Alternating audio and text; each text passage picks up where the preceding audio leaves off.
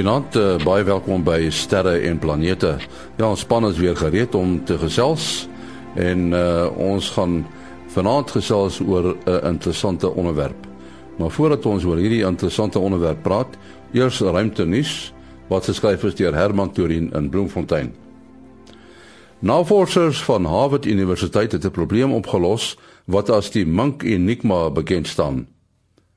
Die navorsers het bepaal dat die aarde inderdaad stadiger draai wanneer genoeg ys op die pole gesmelt het. Boonop laat dit die aarde bietjie om sy eie as slinger. Die proses word vergelyk met wanneer 'n yskaatser tol en haar arms uitsteek en in die proses al stadiger begin tol. 'n Soortgelyke proses vind plaas wanneer die ys by die pole smelt en die water na die ewenaar beweeg. Die afgelope eeu het die aarde se rotasiespoed met 'n millisekonde afgeneem. Omdat die water nie oral ewe vinnig versprei nie, laat dit die aarde om sy as slinger. Wetenskaplikes hoop steeds dat bouwerk aan 'n 30 meter reuse teleskoop op Hawaii hervat sal kan word nadat 'n hof 'n stokkie daarvoor gesteek het. Die bouwerk is op die berg Mauna Kea beplan en is afgekeur omdat dit in 'n bewaringsgebied gebou sou word wat vir die inheemse bevolking kulturele waarde inhou. Die berg is 4205 meter hoog. Die hele proses om die projek goed te keur moet nou weer gevolg word en kan jare duur.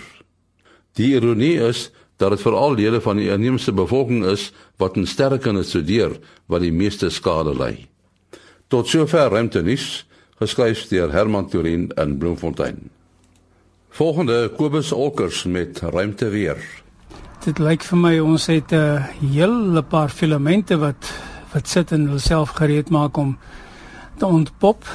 Ek sien ten minste enetjie wat ek amper seker is dat hy vir ons gaan uh, gaan vir ons 'n bietjie verandering in ons ruimte weer gee hier so van maandag se koers af vir so 'n dag of twee. En dan sien ek ook uh, twee koronagate, een wat alreeds vir ons van donderdag af 'n bietjie 'n verhoging in sonwindspoed gee en 'n kleiner enetjie wat ek skat so Dinsdag na Vrydag se koers toe.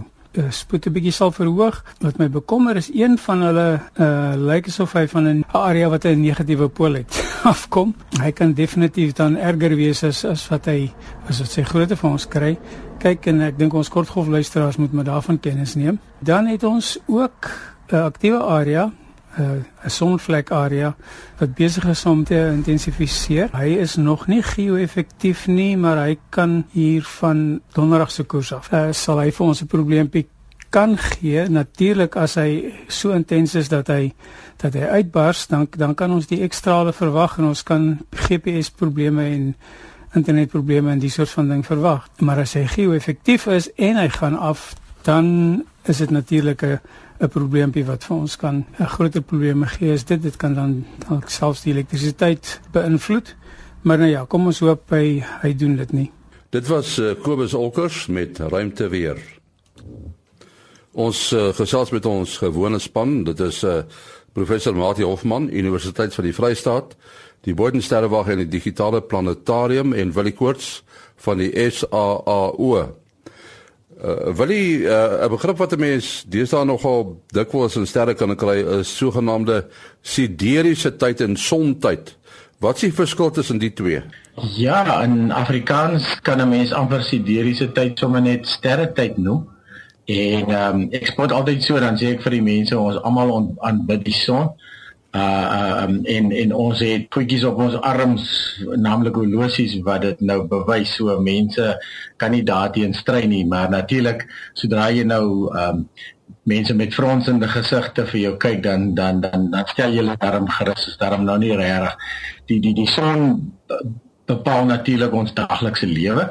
So dit bepaal wanneer staan ons op en en en gaan werk ons en kom terug en gaan slaap en so alhoewel ons nou elektriese lig uitgevind so ons hoef nou nie meer te gaan slaap as dit donker word nie. Die son uh, sontyd is dan nou effektief wat ons dan nou bereken vir ons daai en natuurlik die sonhorlosies het die oorspronklike tyd gemeet en daar's eintlik ander maniere gewees. Uh, as jy nou aan sterre tyd dink dan kyk jy nou eintlik wanneer sit 'n sekere ster op 'n sekere tyd op op 'n sekere plek. Sodra mens besef dat die aarde natuurlik 'n jaar vat om om die son te draai en jy kan dit in die sterre sien, uh, 'n maklike toetsie is altyd om 'n sekere ster dop te hou wat jy nou môre aan maklik weer kan kry en as jy dan nou die sterretjie vat en jy maak nou 'n merk uh, op jou ry byvoorbeeld waar dan nou oplyn sê met 'n met 'n ver afgeleë uh, kerktoring of 'n antenne of 'n ding en jy en dan sodat jy die merkie op jou ry die antenne en die ster is dan nou in 'n mooi lyn en dan op dan skryf jy daai tyd neer. Uh dit werk eintlik nou die beste as jy nou oos of wes kyk. Uh want die beweging is die meeste noord en suid is die beweging baie min, so jy gaan dit nie so maklik optel nie. En dan môre aan dan kyk jy weer wanneer is daai opleiding van daai selfe opleiding plaas en dan sal jy sien dit gaan 4 minute vroeër of 4 minute later hangende of jy nou oos of wes kyk. Dit is dan natuurlik omdat jy intussen aanbeweeg het in jou in ons pad om die son. Uh so ons vat nou uit die hart van die saak 'n jaar om om die son te beweeg. 'n Ander manier om daaraan te dink is dat uh, sou die aarde nie op sy eie as geroteer het nie, maar net eenmal om die son beweeg het, dan sou dit 6 maande dag en 6 maande nag gewees het. So ons uh, wen eintlik 'n ekstra sondag deur ons omwenteling om die son. En as jy dan nou 'n sommetjie maak, vat daai 24 ure ekstra dag wat ons wen, uh, maak dit minute, deel dit deur 365 om te sien hoeveel dit per dag is, dan sal jy sien dit is net te kort van 4 minute wat ons dan wen uh, elke dag in ons in ons pad om die son en dit is natuurlik dan die verskil uh, in breë trekke tussen dan 'n sterrejaar en en dan 'n sonjaar. En ons gebruik 'n sideriese tyd of sterretyd by die sterrewag en die hoofdoel daarvoor is om ons teleskope te mik want ons kyk nie na die son nie so ons sontyd is eintlik nie vir ons so bruikbaar as ons wil kyk wanneer ons na 'n sekere ster wil kyk om te sien wanneer 'n sekere ster op 'n sekere plek gaan sit nie. So ons het eintlik twee uh, horlosies mense wat al die sterre wag aan die Kaap besoek het sal sien soos jy die biblioteek instap, sit daar twee horlosies, die een wys dan vir jou sontyd of South African Standard Time wat ons noem en dan die ander een is dan sterretyd of of sideriese tyd. Deesdae is dit natuurlik baie maklik om dit sommer op rekenaars te bereken en so aan in die, in die ou tyd was dit 'n bietjie meer ingewikkeld toe ek by die sterrewag begin het uh nou amper 28 jaar terug het ons nog uh, 'n sommetjie moes maak om seker te maak dat ons sterretyd reg is. Nou maar ek wil nou heeltemal na 'n uh, ander onderwerp gaan maar dit hou so 'n bietjie verband daarmee. Uh, ons buurplaneet Mars, die rooi planeet. Uh, sy dag is amper net so lank soos ons en as ek reg. Geen mens sou vir jouself kon probeer voorstel hoe sou die lewe vir jou verloop het as jy op 'n ander planeet gelewe het. Sê nou maar wie as jy dit kon doen as mens kon die klimaatomstandighede oorleef op sê nou maar Venus of op Mars of op Jupiter. En in die geval van Mars sou dit nie te erg verskillend wees nie omdat die uh, dag op Mars is so ongeveer 40 minute langer as die dag op die op die aarde. So 40 minute sou mens sou dit seker gevoel het.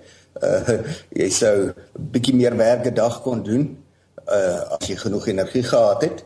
Maar kom ons gaan kyk nou uh, na 'n ander voorbeeld. As jy nou op Jupiter sou kon kon leef, dan sou jy jou 13 ure moes slaap of net so onder 10 ure, 9 ure 55 minute. So Mars se rotasie, as jy wat kleiner as die aarde, maar sy rotasie of hoe snelheid is uh, baie dieselfde as die aarde, maar Jupiter se is baie vinniger ten spyte daarvan dat hy baie groter is. So daai groot planeet in deursnee ongeveer 10 maal groter as die aarde, uh draai jou wat vinniger, meer as 2 maal vinniger. Uh en dan kos wat nou nog 'n voorbeeld net om te wys dat Mars is nogal spesiaal in vergelyking met die aarde. Uh as ons gaan kyk na Venus, uh Venus mag nou in grootte amper dieselfde as die aarde wees, nader aan die aarde as wat Mars is, maar sy dag neem 116 dae en wel 18 uur, so amper 117 dae. So daar's geen eenvoudige uh patroon nie. Daar's 'n groot verskeidenheid van dagdaglengtes uh en so aan en dan moet mens nie net na daglengtes ook kyk nie. 'n Mens moet ook gaan kyk na jaarlengtes. Uh in terme van of aardse dae uh, uh van die as jy nou Mars se aardlengte vat uh in terme van aardse dae dan is dit so bietjie minder as 2 jaar vir een uh, Marsjaar.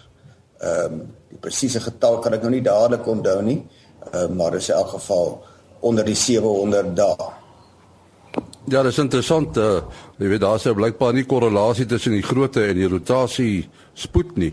Uh, mens wonder nou net hoe hoe het dit begin roteer hierdie planete, die aarde ook? Ja, hoekom en dan hoekom verskil dit so baie? Ek weet dit is ook nie 'n eenvoudige funksie van die afstand vanaf die son of die grootte soos wat jy gesê het nie. Ehm um, en dan kry jy nou nog uh, Uranus wat op uh, sy sy gekantel is, sy as lê heeltemal anders ten opsigte van die ekliptiese vlak as byvoorbeeld die ander planete. En uh, wil jy dit my reg help as ek verkeerd onthou maar Venus roteer in teenoorgestelde rigting van die aarde is die rotasie om die eie as in dieselfde rigting as die rotasie in die baan om die son met 'n agname natuurlik daarvan dat die as van die aarde nie presies loodreg op die ekliptiese vlak is nie daai inklinasie uh, ongeveer 25 grade of liewer uh, ongeveer 23 grade. Uh terwyl Mars se inklinasie weer eens baie soortgelyk 25 grade. Dit beteken Mars se seisoengedrag is baie soortgelyk aan die aan aan die aarde se. So dit is interessant die verskille maar die die rotasie moet maar kom uit die die uit die, oerprosesse soos hierdie uh die bestaande teorie of model hoe ons sonestelsel se geskiedenis verloop het met die materiaal wat rondom die son in 'n skuif uh uh akkliseer het. So dit gedraai en daar kolke gevorm waar die planete uiteindelik gevorm het. En soos wat dit saamgetrek het het die rotasie uh, vers, uh groter geword deur die behoud van draaimomentum. Maar dit verklaar nie alles nie uh die kanteling van van 'n as byvoorbeeld kan die gevolg wees van 'n baie groot uh groot botsing.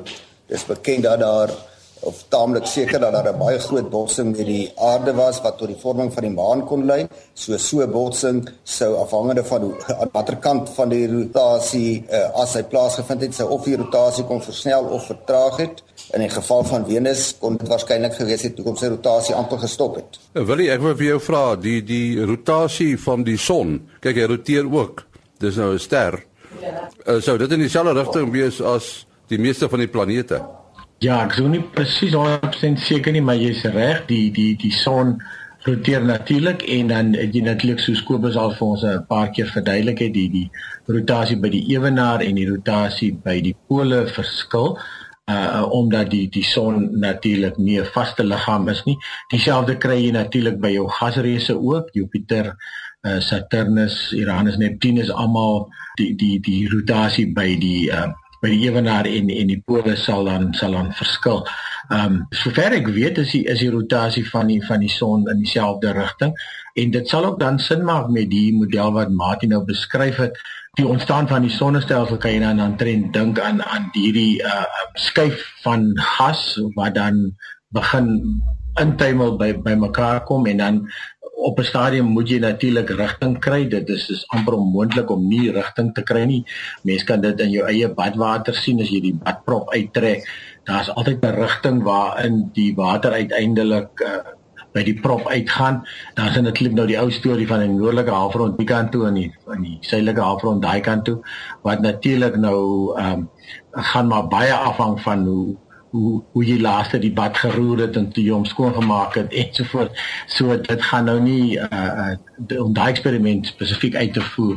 Die die sogenaamde Coriolis effek is natuurlik baie baie te klein om op het, op 'n hele badwater uh, in te werk. Ja, so dit is eintlik 'n argument vir 'n ander dag, maar die feit dat die son se rotasie dan in dieselfde rigting as die planete is dit sou jy sou jy natuurlik kry uit die uit die ontstaan. En natuurlik iets anders waar waaraan jy ook kan kan dink of, of of wat mense nie altyd besef nie is dat die planete lê maar almal in dieselfde vlak uh, min of meer nie nie presies nie maar baie naby aan dieselfde vlak en beweeg dan in almal in dieselfde rigting om die son.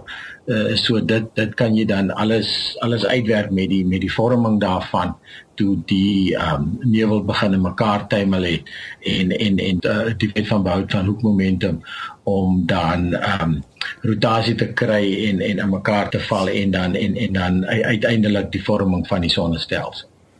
Ja, en uh, Martin, niks is eintlik vas nie. Nee, ons het nou gehoor dat uh van ons eksoplaneetkenner dat hulle vind dat uh, die naaste planete aan hulle sterre is dikwels groot gasplanete en ons het gedink dat dit nou eers rotsagtige planete gaan wees en dan gasplanete soos wat dit in ons sonnestelsel is. Uh ja, en nie na die afgelope 20 jaar se soek tog na ander sonnestelsels uh, waarvan die ontdekkings uh, dramaties toegeneem het, weet eksponensieel toegeneem het, lyk dit nie of ons eie sonnestelsel baie tipies is nie. Uh dis seker nog te vroeg om finale gevolgtrekking te maak. Een van die uh, alles nou seker wel meer as 1000 ander sonnestelsels ontdek met twee of meer planete. Is dit nog nie 'n ewe kanse gesteekproef nie want die metodes wat wat gebruik word is meer genee om dit is hulle makliker om groot gasplanete met kort periodes met ander woorde naby aan hulle sterre hulle wentelbane het is makliker om daai ontdekkings te maak as klein planete soos die aarde met 'n bietjie 'n langer periode. In ons geval nou volgens ons eie definisie presies 'n jaar. Uh as mens nou spesifiek dink aan die baie suksesvolle Kepler teleskoopsending om 'n aard tipe planeet met 'n periode van 'n jaar te ontdek, moet jy ten minste 3 jaar waargeneem het want jy moet sy uh omwenteling 3 maal gesien het. Uh en die Kepler sending uh se tydduur was maar net vergelykbaar met dit. So dit so baie van die aard planete uh, met aard tipe jare uh, gemis. Uh, so ek dink dis nou een van die van die probleme, maar uh, ons dit lyk in elk geval nie of ons sonnestelsel tipies is nie en uh, hoe ons sonnestelsel daar uitsien met byvoorbeeld Jupiter, die gasreus daar buite. Uh, dis belangrik vir ons om hier te kan wees vandag. Dat as die sonnestelsel noenswaardig anders was, sou ons nie hierdie gesprek kon voer nie. Ons moet op hierdie bepaalde afstand van die son son af wees sodat die vloeibare water kan bestaan. Dit is nie te warm nie en dit is nie te koud nie. Dit voel baie keer of dit te warm is soos die tyd van die jaar en die vloeibare water is maar bietjie min by groot dele van die van die land. Ehm um, maar as ons nou 'n bietjie verder uit weg was, dan sou dit te koud gewees het en dan benewens die aarde se eie posisie as Jupiter nie daar was met sy geweldige aantrekkingskrag nie, sou daar waarskynlik baie meer groot impak op die aarde plaasgevind het. So van die voorwerpe wat op pad na die binnesonnestelsel was wat moontlik met die aarde sou kon bos, is gelukkig deur Jupiter uh of uit die sonnestelsel uitgeslinger of self in 'n uh, wentelbaan gevang.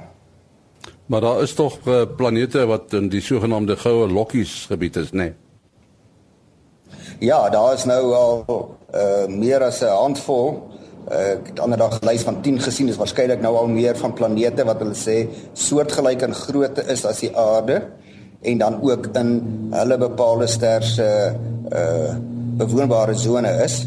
So dis wat ons van hulle weet, dit beteken nie daar is waar daar is vloeibare water nie. En as daar vloeibare water is beteken noodwendig daar is lewe nie, maar daar is 'n klompie stelsels wat nou intensief met verskillende metodes waargeneem kan word en die groot opwinding lê nog voor wanneer die uh, James Webb ruimteteleskoop wat die Hubble teleskoop moet opvolg so binne die volgende uh, wil jy moet help ek dink 2 jaar of dalk 3 jaar in die ruimte uh, geplaas gaan word omdat daai uh, teleskoop groter as die Hubble gaan wees en uh, die modernste toerusting gaan hê sal dit daai tipe stelsels onder andere kan waarneem en heelwat meer daaroor uh, te wete kan kom. So ek dink die volgende 10 jaar uh, gaan opwindende tye wees wat hierdie tipe waarnemings betref. Wil jy jou besonderhede? Uh, ja, mense kan bel SMS of WhatsApp 0724579208. 0724579208. En uh, Mati? Uh, 0836257154. 0836257154. In die vakansie uh, sal ek daarom so 'n bietjie meer daarop ons Facebook groep kan gaan kuier. Wil ek weet nie of ons jou ook gereeld daar gaan sien nie, maar daar's soveel van ons luisteraars wat baie moeite daar doen uh en mense sal graag bietjie kan kommentaar wil lewer en ook interessante inligting deel. Goed, my e-posadres maas.henny@gmail.com. maas.henny@gmail.com. Volgende week dieselfde tyd is ons weer hier. Tot dan. Mooi loop.